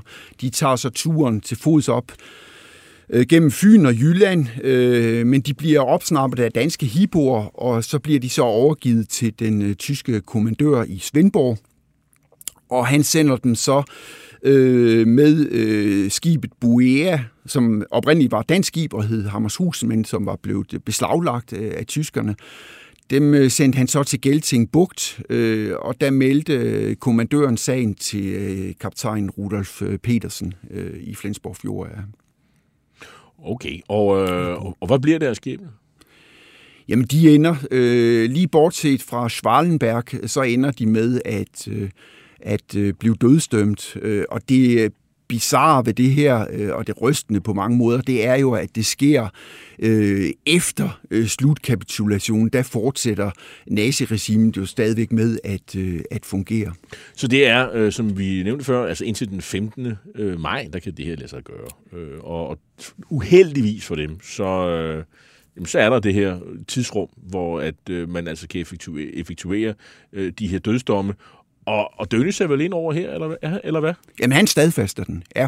Det gør så, han. så det er ja. en beslutning, som Dønnis har sat sit, øh, sit mærke ved? Ja. det er okay? Ja. Altså, de troede jo, at de har troet, at krigen den, den var forbi. Øh, og det så, var den så ikke? Og det var den så ikke, nej. Øh, I øvrigt, Rudolf Petersen, der han stammede fra als fra en, øh, en øh, hjemmetysk familie i Asserballe, og havde, havde også en, en delvis dansk baggrund. Ham, der der ledede retten øh, ombord på skibet på, på Flensborg Fjord. Men altså MC og, og preussisk øh, i, i sin indstilling, og det vil sige, at øh, man jo ikke igennem fingrene med de Nej, det har været betingelsesløs lydighed, og, og det her kan selvfølgelig føres tilbage til øh, hele den her dolkestødslegende, som vi kender fra, øh, fra øh, Første Verdenskrig, som nazisterne de jo med held brygget videre på, nemlig at det skulle være øh, kommunister og jøder, øh, der faldt øh, øh hvad det hedder, Tyskland i ryggen i, i, i 1918, og at man tabte krigen indenfra, og specielt inden for marinen gjorde den her dolkestødslegende sig, øh, sig gældende. Det var virkelig noget, som Hitler han var meget bevidst om, om, øh, at, at den her legend, at, at, at, at slå ned over for marinen øh, hårdt og brutalt, øh, hvis der var, hvis der var øh, myteri eller, eller, eller hvad hedder det, det øh, faneflugt. Og, og du nævner specielt øh, marinen, fordi der er netop i, i Kiel, øh, som jo også er en... Øh marinestation, marineby i hvert fald, øh, der var et oprør blandt marinesoldater. Øh, I november 1918, ja. Så ja. derfor så klæber der noget til øh, netop det værn. Ja, hvis man skal se en baggrund for det hele, hvis man skal se et eller andet minimum af rationale for hele det her, så, så er det der, rødderne går tilbage. Ja. Nu skal vi øh, omkring øh, den førnævnte sænkning af floden i, i Geltingbugt, som øh, jo så set øh, Dønis egentlig øh, øh, forsøger at afbryde, øh, men det sker alligevel. Altså, og, og, og hvorfor sker det? Er det fordi han er, øh, de her oplysninger, øh, kontraordrene ikke når frem, eller handler folk selv, eller fordi de siger, at øh, det ligger sådan på ryggraden af nogle af de her marinesoldater, officerer er det vel, det er dem, der tager beslutningen, om at de skal knæme ikke falde i fjendens hænder, så nu sænker vi de her op mod 50 ubåde blandt, blandt andet. Altså, der, der er kommet et, øh, et, et radiosignal øh, der omkring den 4. 5. maj fra Flensborg ud til øh, Geltingbugten med besked om at, øh, at sænke ubådsflåden, som jo øh, var samlet øh, i, i det her område. Åbner man bundventilerne, og så springer man noget i luften, eller hvad? Øh, dynamit, øh, eller hvad, hvad sker der? Ja, og, præcis, og hvad bliver konsekvensen af det? Jamen det betyder jo, at, øh, at øh, mange af de her ubåde, som vi kender nogle af dem fra den her succes-kampbåd fra den berømte film øh, af Wolfgang Petersen, der spurgte de... Øh, den, den, som i øvrigt man kan se et eksemplar nede ved uh, Labøge lige ved, uh, ved Kiel, jamen de ryger til bunds, og det afstedkommer en stor økologisk uh, katastrofe i området. Al plante- og dyreliv der i Geltingbugt bliver, bliver slået ihjel. Er, er det sådan noget dieselolie, der sådan fiser ud? Eller hvad? Det er olie og kemikalier, ja. Okay, det er jo sådan batteridrevne, så der ligger alt muligt lækre ting. Ja, det, det, der ligger noget rigtig gris, eller griseri i flere år, ja. Man var ikke specielt optaget af miljøet på det her tidspunkt. Nej. Øh, så når du snakker om sådan en økologisk katastrofe, er det sådan, at der er ikke en fugl, der er ikke en fisk, der er ikke noget, der kan bevæge sig i, eller leve i, i 5-10 år herefter, eller, hvad, eller hvordan er det? Altså, jeg har været ude i, øh, i øh, arkiverne ude i Steinberg Kirche, i Sovnarkiv derude, og der er beskrivelserne fra de lokale derude, at der øh, simpelthen ikke er fisk og og hvad hedder det, fugle tilbage, øh, øh primært fisk. Der. Øh. En, en anden pusse ting derude, det var, at øh, før øh, sænkningen af, af, af ubådene og øh, de destroyer, der også var derude, der gik man jo ombord på de her skibe og sørgede for at rippe dem for værdier, og der var jo øh, kaviar og champagne og alt muligt andet godt.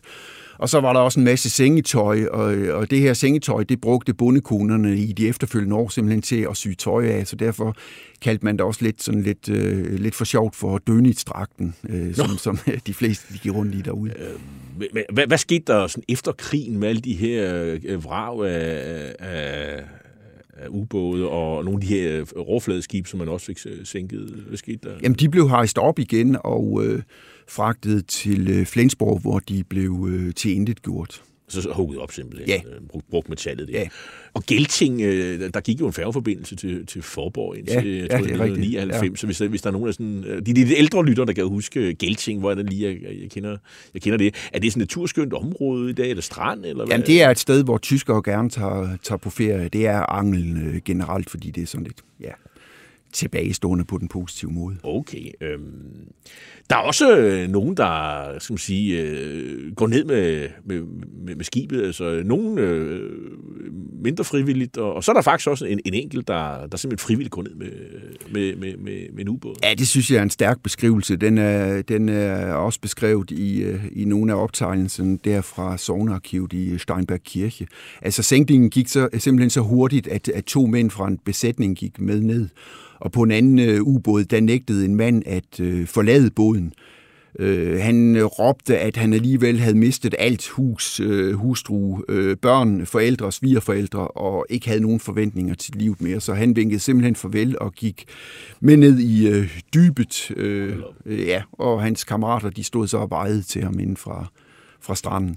Ja, det er sådan en øh, soldaterdød, som måske giver mening øh, altså blandt nogle af de der, øh, der har oplevet ting og sager i løbet af krigen. Øh, der var også, og det er også noget, der spiller en, en, en stor rolle i din bog. Altså, Flensborg by var jo ikke kun fyldt med krigsflygtninge fra øst. Der kom jo rigtig mange øh, fra øst fra østområderne, som, som, som søgte ly, fik husly. Og, og vi har hørt om øh, nazister og soldater, og der var rand af, af den anden verden. Men der var også rigtig mange koncentrationslejrfanger og andre fanger ja. i byen her. Øh, udhungrede mennesker, ja. øh, som øh, flakkede omkring. Og øh, hvad var deres historie? Jamen, hovedparten af dem, de var evakueret fra øh, Stutthof over ved Danzig, eller Gdansk, som det hedder i dag. Og de var jo sendt ud på en af de her umenneskelige dødsmarscher mod vest, som øh, I sikkert har beskrevet i, i programmet. En del af dem kom også fra Nøgen Gamme, øh, nede ved øh, Hamburg, og de blev primært øh, fra, øh, fragtet til byen med skibe og pramme på øh, Flensborg Fjord. Øh, og de fanger, der ikke fik lov til at gå øh, fra bord for de, øh, på de her prammer og skibe, de blev simpelthen udsat for en uhørt øh, brutalitet med manglende adgang til vand øh, og øh, drikkevand og mad. Og øh, til sidst der tvang SS-vagterne simpelthen fangerne fra skibet og gennede dem ind i godsvogne, som holdt på jernbanesporet ved øh, Flensborg Havn. Og målet, det var så, har formentlig været at køre fangerne sydpå i, igennem Slesvig-Holsten igen, men, men altså øh, toget nåede aldrig længere end til øh, den bydel, der hedder Weiche øh, i Flensborg, som øh, var et jernbaneknudepunkt. Og her stod de så igen i fire dage, uden at fangerne de fik vådt eller tørt. Og det, der er også beskrevet i flere dagbøger, hvordan de her desperate mennesker, de skreg efter, efter vand, og hen ved halvdelen af dem, de omkom simpelthen af sult og, og, og, og tørst. Og først den 10. maj, der blev lidt over 1600 tidligere korsetfanger så befriet af de britiske tropper efter slutkapitulationen. Den var underskrevet, og fangerne de fik så mad og medicinsk behandling, og øh, cirka 1350 blev øh, sejlet til øh, Malmø. Øh, det mest øh, uhy, der blev gjort, så gjort et uhyggeligt fund, med, fordi øh, på stranden ved Farens Otte, som ligger i, også i det østlige Flensborg, der øh, fandt man så 26 fanger, som simpelthen bare var blevet kastet i et hul under strandsandet, og, og alle de lige blev så bjerget og øh, genbegravet i grave uden navn på, på kirkegården øh, Fridenscykel i, i øh, det vestlige Flensborg. Hvad alle de her fanger, de lavede i øh, Flensborg, jamen det øh, måtte man, øh, må, hvis han var her i dag, måtte vi jo egentlig spørge Himmler om, fordi det var ham, der var bagmanden bag hele det her, og der, vi kender jo øh, øh, hele den der baggrund med, at han øh, øh, stadigvæk så sit snit til at lave øh, selv de her øh, fanger i humanitetens navn til, øh, til vestmagterne øh, i håb om at få en, øh, en eller anden form for separat fred. Og, og nu nævner du netop øh, Heinrich Himmler, og, og han var faktisk også omkring øh, Flensborg for en, øh, en, en kort periode. Og nu skal vi lige høre øh, ham tale øh, i, øh, i posen. Det er sådan en berygtet øh, tale, han holder. Det er en lille lydstump. Øh, vi har hørt øh, øh fra den tidligere. Og det er til en række top-top. Øh, det er... Det er en lille lydstump fra Himmlers tale, hvor han taler til en, øh, en række top der medvirker i folkemordet på, på jøderne. Og øh, i den her lydstum, som jeg har udvalgt i dag, der taler han om udplyndring af rige jøder, og der, hvad, der, hvad der sker, hvis SS'er ikke adlyder den magtfulde mands ordre, og, og hvis de stjæler så meget som en mark af rådet. Die Reichtümer, die sie hatten, haben wir ihnen abgenommen und ich habe einen strikten Befehl gegeben, den Obrigkeitsreport durchgeführt hat. Wir haben diese Reichtümer restlos dem reichsten Staat abgeführt. Wir haben uns nichts davon genommen. Einzelne, die sich verfehlt haben, die werden gemäß einem von mir gegebenen Befehl, den ich am Anfang gab, wer sich auch nur eine Mark davon nimmt, ist des Todes. Anzahl SS-Männer haben sich dagegen verfehlt. sind ich sehr viele. Und sie werden des Todes sein. Ja, læg mærke til, hvordan han siger gnadenlos, altså nådesløs, hvis altså nogen de øh, øh, ender med at, at tage noget af rådet fra, at SS har bestjålet øh, jøder. Sådan var øh, Heinrich Himmler generelt nådesløs, men altså måske lige på nær i forhold til nogle af de her enkelte danskere, øh, Øh, her på det sidste, øh, i den sidste krigen, hvor han jo sådan lod nogle øh, hvide busser slippe igennem til Danmark med, med danske fanger og danske jøder fra Theresienstadt, formentlig for at stå i et bedre lys, som øh, Hans Christian Davidsen øh, nævnte, altså at man prøvede på at, at, at, at handle med andre, med menneskeliv, for måske at slippe lidt billigere, eller for at få nogle indrømmelser. Øh, det spil er slut øh, på det her tidspunkt, hvor Heinrich Himmler, han øh, er omkring, i omkring øh, Flensborg. Øh, han er jo øh, i løbet af krigen er han jo den her er han jo øh, leder af SS. Det er ham der der gennemfører folkemordet på, på jøderne, og i øvrigt er øverste leder af Gestapo, og er øh, i, i en helt, helt unik position med hensyn til alle de forbrydelser, som nazisterne i øvrigt øh, begår. Øh, men hvad, hvorfor er han søgt til Flensborg på, på det her tidspunkt, øh, Hans Christian Davidsen? Han er simpelthen på flugt, fordi kort før sit selvmord, der havde øh, Hitler jo nået at fratage Himmler alle øh, Himmlers øh, embeder og også krævet ham øh, skudt, øh, fordi Hitler jo mente, at han var faldet... Øh, ham, altså Hitler i ryggen, da han havde fredsfølger ude og ville forhandle med, med britterne og USA, så han var, han var simpelthen på, på flugt. Ved hvad man har lavet, hvor han har været henne i, i Flensborg? Ja, han opsøgte øh, en landsby med det gamle danske navn Kollerup, og det var ikke noget tilfældigt valg, fordi øh, her havde øh, den var blevet beslaglagt af den tyske værnemagt og indrettet som hovedkvarter for, for den øverste kommanderende for værnemagtens herregruppe Nordvest. Øh, Ernst Busch hed han. Øh, Øh, og øh, ja, som sagt, altså Himmler havde stadigvæk det håb om at øh, kunne øh, lave en aftale med vestmagterne, og det var også det, der ligesom prægede hans færd gennem Flensborg, hvor han boede nogle dage i Kolderup og tog frem og tilbage ind til politistationen øh, eller Gestapo-hovedkvarteret i Flensborg holdt nogle øh, mærkværdige taler, hvor han stadigvæk troede på, øh, på at man kunne oprette en SS-stat i øh, Slesvig-Holsten, og i øvrigt stadigvæk øh, øh, opnå en aftale øh, med, øh, med, med britterne og øh, amerikanerne. Øh, han havde også travlt med at skaffe øh, øh, sine øh, korsetkommandanter falske idépapirer inde på øh, politistationen, fordi der var, lå jo simpelthen stakkevis af af øh, ID-kort fra faldende øh, soldater på Østfronten, som øh, man simpelthen kom ind og simpelthen fik derinde. Det var jo en stor hvidvaskningscentral derinde. Og så gav han dem jo et ordre til at gå under, gå under jorden øh, så hurtigt som muligt. Men den 5. maj 45, der holdt han Himmler så sin sidste stabskonference øh, inde på øh, politistationen. Der var der flere, der tog sig til hovedet, fordi de mente, han levede i en helt anden verden. Han havde ikke indset, hvad, at slaget det var tabt. Øh, Øh, og den 6. maj 45 gjorde Dönitz så klar over for Himmler, at, øh, at han ville, ønskede ikke at se Himmler mere i, i Flensborg. Og så har Himmler imellem den 7. og den 11. maj øh, 45, der må han have indset, at spillet det simpelthen var øh, ude for hans vedkommende, så han barberede sit overskæg af, satte en klap for øjet øh, og smed sine de her kendte briller og klædte sig øh, på som en almindelig øh, feltgendarm og tog så navneforandring til Heinrich Hitzinger. Øh, og mellem den 7. og 10. maj, der er han i al diskretion øh, flygtet fra Kollerup ned gennem Sydslesvig over floden øh, Ejderen til det her inddæmmede område, som hed Adolf, Adolf Hitlerkog, som ligger nede i øh, Øh, I dag der hedder det Dixanderkog. Der dukkede han op den øh, 11. maj. Øh, ja, og så tager han så turen øh, over Elben. Og ender med at blive fanget af britterne. Ja, i nærheden af den by, der hed Meinstedt, mellem øh, Hamburg og, øh, og Bremen. Og det var to russiske krigsfanger, der opsnappede ham der og gav øh, besked til den britiske besættelsesmagt. Og så, så tager han en syrenkaliumpille, før man er i gang med at undersøge ham, og så Øh, men han når altså desværre, øh, ja. øh, eller hvad man skal sige. Øh, det har måske været interessant at afhøre ham i hvert fald. Øh, ja. Men øh, det, det når man så ikke. Det er sket øh, lige nøjagtigt den 23. maj samme dato, som øh, Flensborg-regeringens endeligt i Lüneburg er. En anden, øh, måske knap så vigtig person, men alligevel øh, opsigtsvækkende nok øh, figur, Øh, han er lidt en randfigur i, i det store spil. Øh, Lord Hårhår hedder han. Øh, det er i hvert fald hans øh, skal man sige, kælenavn. Han hed øh, William Joyce, en, en, øh, en nazistisk, irsk, britisk, amerikansk.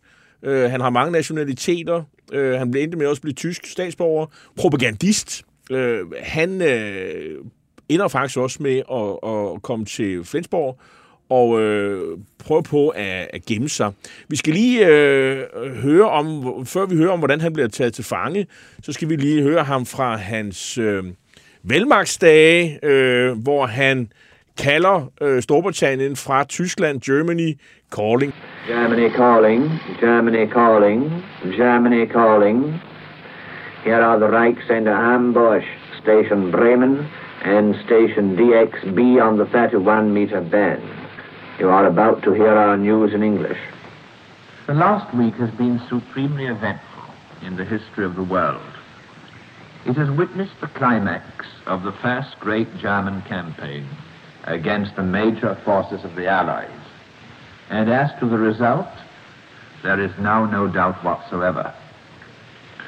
We were confident of victory from the very moment when it was announced that our forces had entered Holland and Belgium for the purpose of frustrating the Allied attack which had been planned against the Ruhr. Ja, hvem var uh, William Joyce, Hans Christian Davidsen, og hvordan endte han, endte han i Tyskland?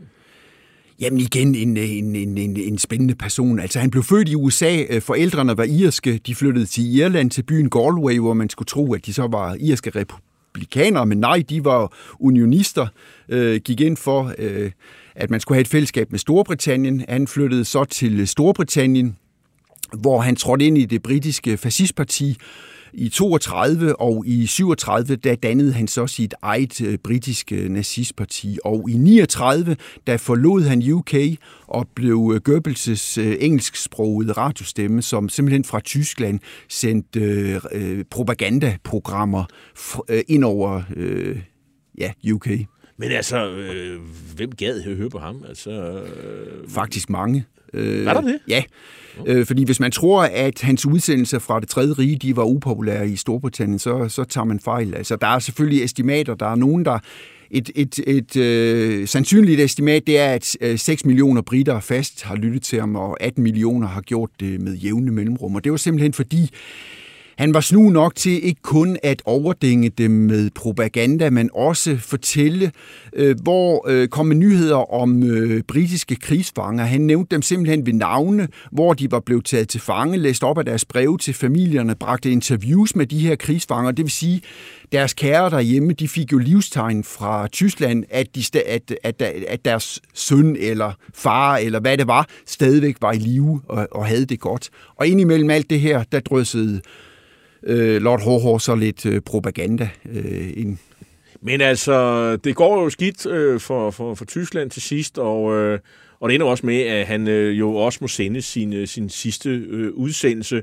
Og øh, prøv at lægge mærke til, øh, han, han er sådan knap så, så viril og, og, og skarp, øh, som han var i øh, 1940. Sådan her lyder han i 1945. This evening I am talking to you about Germany. That is a concept that many of you may have failed to understand. Let me tell you that in Germany there still remains the spirit of unity and the spirit of strength. Ja, Hans Christian Davidsen, øh, nogen vil jo mene, at han har, har lyder lidt påvirket her. Har han gået øh, lidt til det tyske brændevin korn øh, her, tror du? Er det, er det en teori, du Jamen, abonnerer på? I Storbritannien var man overbevist om, at han havde, at, at han havde drukket sig fuld, fordi han var langt mere drevende i sin tale, end han plejede at være. Ja, jeg synes, han lyder fuld.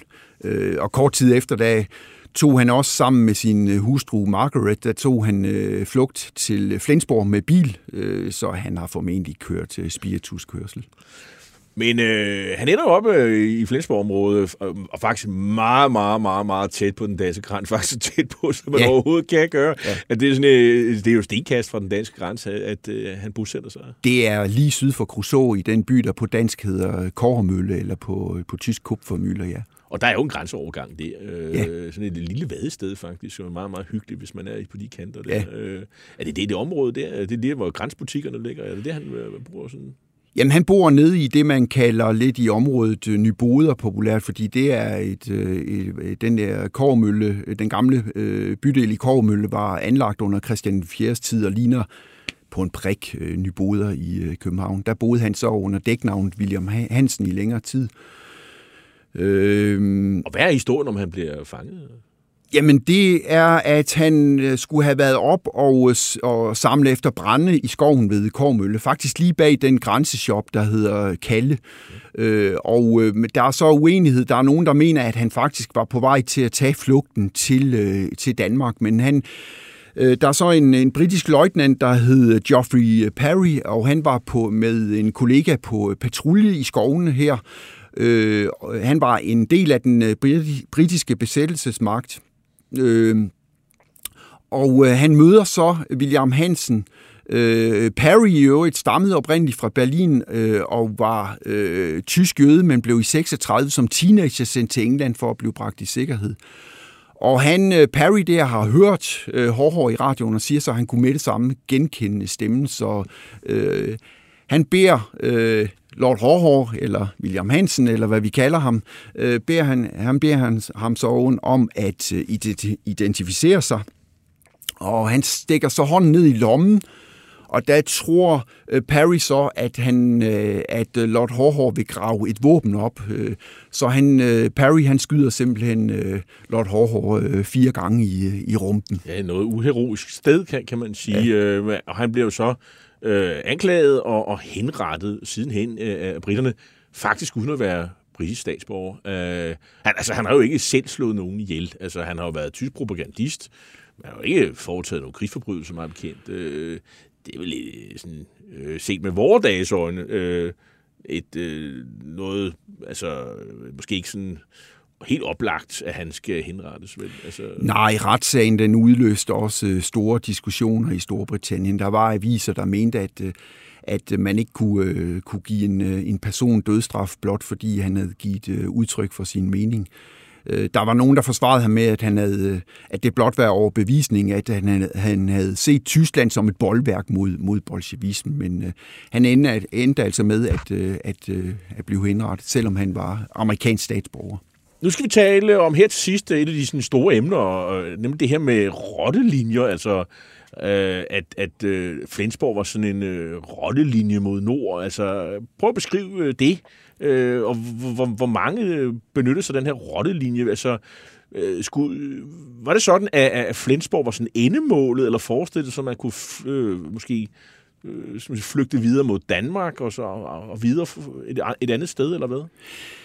Jamen, det var jo den sidste helle, det sidste frie sted, man kunne søge hen, og der var også mange, der havde en idé om, at de via Danmark kunne, øh, kunne flygte længere ud i den store verden. Der var jo den øh, rottelinje, som er mest kendt, det er jo øh, rottelinje Syd, den der gik gennem Italien, øh, gik gennem Franco, Spanien og så videre til Sydamerika. Vi kender jo alle de store, der tog den vej ned. Men man regner med, at at som sagt øh, øh mellem 2 og 3.000 øh, nazister tog øh, vejen af rettenlinje nord til øh, Flensborg, ja. Og de, mange af dem, de bosatte sig simpelthen i fine villakvarterer og gled også ind i almindelige borgerlige øh, jobs bagefter, og fik senere det, man kalder for en persilschein. Øh, persilschein, ja. og, og persil, det er et, øh, et vaskepulver? Ja, de blev hvidvasket. Det... Og hvem sørger for det? Jamen, der var jo både de officielle og så de uofficielle. Altså, der, der var, øh, senere var det afnazificeringsmyndighederne i Kiel, der officielt udstedte de her persilschein. Ellers fik man en eller anden nabo eller ven eller øh, ja, kollega til at øh, komme med en, en udtalelse over for myndighederne. Der var specielt en bydel øh, i, i Flensborg, Vestlige Høve, øh, som, øh, som var sådan en kvarter, hvor, hvor, man i sidste på flugt blev sådan indkvarteret, og så sidenhen kom til at bo. Prøv at beskrive det kvarter der.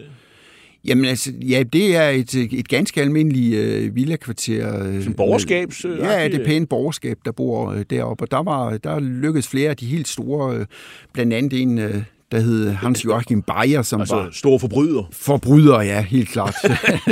Øh, som øh, Hans Joachim Bayer, som var en betydelig nazistisk raceideolog. Han, bo, han øh, bosatte sig der, og øh, der var også Hitlers øh, justitsminister, Franz øh, Schlegelberger, som også øh, bosatte sig i det område. Der var SS-fører i Lvov, eller Lviv, øh, den øh, by, vi i dag kender som Lviv i øh, Ukraine, nemlig Karl Oberg, som bosatte sig i det her område. Listen, den er alen lang. Og, og blev de retsforfulgt, nogle af de her mennesker her, eller gik der lang tid, før de blev retsforfulgt? De fleste af dem blev ikke ret, retsforfulgte. De gled ind som, som embedsmænd, jurister. Og, øh, Hvorfor ikke? Hvorfor blev det skidt ikke? Jamen, det var dækken over hinanden. Man vidste godt, øh, hvem hinanden var, og den ene havde jo ikke noget at lade den anden høre. Det var meget. Altså, det er i hvert fald det, som ham, der har forsket mest i det her, nemlig øh, professor Gerhard Paul fra Europa Universitet i, i Flensborg. Han er nu pensioneret. Men han, han, han, han dokumenterer tydeligt, øh, at, øh, at det var simpelthen et stort øh, syndikat, som, hvor man dækkede over hinanden. Bliver der nogensinde taget et opgør med alt det her? Altså, det gjorde det vel på et eller andet tid, eller, eller udstår det stadigvæk i Flensborg, sådan pæne borgerskab og politiske miljø? Kan man sige noget? Altså, du mener i Flensborg? Ja. Altså, øh, det er først sådan inden for, jeg vil sige, det er først i 90'erne, så det er sådan rigtigt at komme frem, blandt andet med en større videnskabelig af, afdækning i en, en, en række skrifter, der er, er, er udkommet. Men man kan ikke sige, at øh, man kan sige, at de er døde væk, simpelthen. Okay, så der var Ja. ikke, og så var der ikke rigtig nogen at forklare og forsvare. øh, Men der var ikke nogen at pege fingrene af. De ligger oppe på kirkegården alle Ja, sammen. ja. Men, øh, men prægede det det sådan, øh, miljøet i Flensborg? Øh, Det, det talte man ikke om, og man øh, pegede ikke fingre Man nogen. så den anden vej. Altså, der er jo hele den, der er jo den historie med en anden af de store banditter, som boede op på vestlige Høre, og det var jo øh, Werner Heide, som var leder af det berygtede eutanasi-program, øh, som tog navneforandring øh, forandring til Dr. Fritz Savarte. Øh, Altså, han var med det, der hedder T4, Ja. øh, som øh, blev udgået fra Berlin, og som jo handlede om, at, at man, øh, man myrdede simpelthen øh, Tysklands øh, øh, mentalt handicappede Ja. mennesker. Øh, Ja. og Det har vi beskrevet i, i, i, i tidligere programmer, ikke for, Ja. blandt andet ikke for ikke så længe siden. Men han var altså en af dem her. Ja, man mener, at han havde 100.000 mennesker på øh, menneskeliv på samvittigheden, og han, det lykkedes ham at holde sig skjult på vestlige Høre indtil 1959, hvor øh, man så opsnappede ham. Altså, han er en af de læger, der simpelthen bare udskriver de her sædler, den og den og den skal slås ihjel. Ja, og han som, sidder, som og andre, der udfyrer. han sidder og skriver under på, hvem der skal slås ihjel. En ja. skrivebordsmorder, Ja. kunne man kalde Ja. ham. Men, øh, og, og der er han så i, i slutningen af, af, af, af krigen, øh, eller her i, i 45, og så øh, glider han simpelthen langsomt ind under et falsk navn, Ja. og, og, og virker som, øh, som læge? Ja, Prakt, privatpraktiserende, eller hvad? som sportslæge og øh, børnelæge faktisk ude Nå. på øh, Marineskolen i, i Mørvik. Ja. Fordi der er sådan et sportscenter derude, eller hvad? Jamen, der er jo øh, der, er- der er både et sportscenter tilknyttet Marineskolen, og øh, på et tidspunkt har han også været øh, øh, almindelig praktiserende læge, kan man kalde det. Men på et tidspunkt, så klapper fælden jo også for ham. Ja, og det sker ved et tilfælde, en lang og krøllet historie, hvor der er en, der vil øh, tage hævn og simpelthen øh, nævner hans øh, sande øh, identitet, og øh, på et tidspunkt kræver de tyske myndigheder så også, at han fremlægger sin, øh, sin øh, hvad hedder det, øh, altså beviset på, at han er læge, øh, og der, der kan man sige, at fælden en klapper. Og, øh, og så blev han så anklaget med, øh, i, i 1962. Øh, det er jo en lang tid øh, efterfølgende. Og, så, men, øh, og mens øh, sagen pågår, så begår han så selvmord i, i, i 1964. Øhm, vi kunne have, også have nævnt øh, sagen omkring øh, den tidligere øh, øh, kommandant i, øh, i Auschwitz, øh, Rudolf Høst, som blev taget til fange ude ved Gottrubel. Den historie har vi faktisk beskrevet i et tidligere program om Rudolf Høst, og der, der kan I bare gå tilbage. Men det er også meget tæt på, og, og du beskriver også det her, øh, og det kan vi sådan bruge lidt til, til den diskussion, vi skal have nu her til aller, aller sidst, øh, nemlig at, at øh, det, det er jo en gård, der eksisterer den dag i dag, hvor han bliver taget til fange, og også meget tæt på den danske grænse. Øh, hvordan har de lokale det med, med, med det her, øh, med at gamle nazister er blevet taget til fange, eller har boet der og der og sådan noget? Hvordan har man det med det? stadigvæk? Jamen, det har været en fastlåst diskussion i mange år, fordi det pussy er jo, at du kan gå igennem Flensborgs, øh, altså indre by, Flensborg by, uden overhovedet at se nogen tegn på, hvad der er foregået. Øh, Øh, og der har især venstrefløjen i det politiske spektrum jo, øh, den har jo advokeret for, at man i hvert fald skulle markere øh, det, man kalder opfororte, altså offrende steder. Øh, og øh, for eksempel desertørernes steder. Det har CDU, øh, det konservative kristelige øh, parti, i mange år, øh, sådan været ret henholdende med. Man har ikke rigtig været så vild med den der idé om, at man skulle have et desertørsmindesmærke op i, i byen. Så, så øh, diskussionen har været fastlåst, fordi øh, hver fløj egentlig havde sin præference. Fordi der er også en fare i, at man markerer offerstederne, fordi man jo berettiget er bange for, at det vil tiltrække de forkerte typer, som højre radikale nynazister, og nu også øh, rejsbyrger, som nu også er blevet kendt i, i, i Danmark, at det simpelthen vil blive øh, valgfartssteder, øh, rene attraktioner, kan man sige. Det er lidt den samme diskussion, med Hitlers bunker i Berlin, som man jo ikke kan give adgang til, fordi... Øh, selvom alle ved, hvor den er ligger. Selvom alle ved, hvor den ligger. Øh, der, der kan gå, du kan gå forbi marineskolen øh, uden overhovedet at ane, hvad der er foregået derinde. Og der er diskussionen, skal man ikke have nogen infotavler eller et eller andet dokumentationscentrum? Øh, og det, det er også noget af det, jeg vil med min bog netop at bidrage til den her diskussion lige nu, fordi den foregår øh, lige nu. Men jeg har lidt indtryk af, at, øh, at tendensen er lidt mere, lidt mere dokumentationscenter, lidt flere infotavler, lidt mere øh, markering af, at her var, var der øh, et offer for øh, nazisternes krigsforbrydelse. Altså dem, der taler imod det her, de bliver lidt færre og færre i virkeligheden. Og, og, og selv diskussion i, i CDU, øh, der er flere også i det parti, som taler for. Ja, fordi CDU i Flensborg Byråd, der er man nu øh, derovre, hvor man siger, at man går ind for desertørsmindesmærker. Problemet med de her desertørsmindesmærker, det er jo, de er jo lidt fluffy formuleret, fordi man siger til minde om nationalsocialismens ofre. Jamen, hvem var det?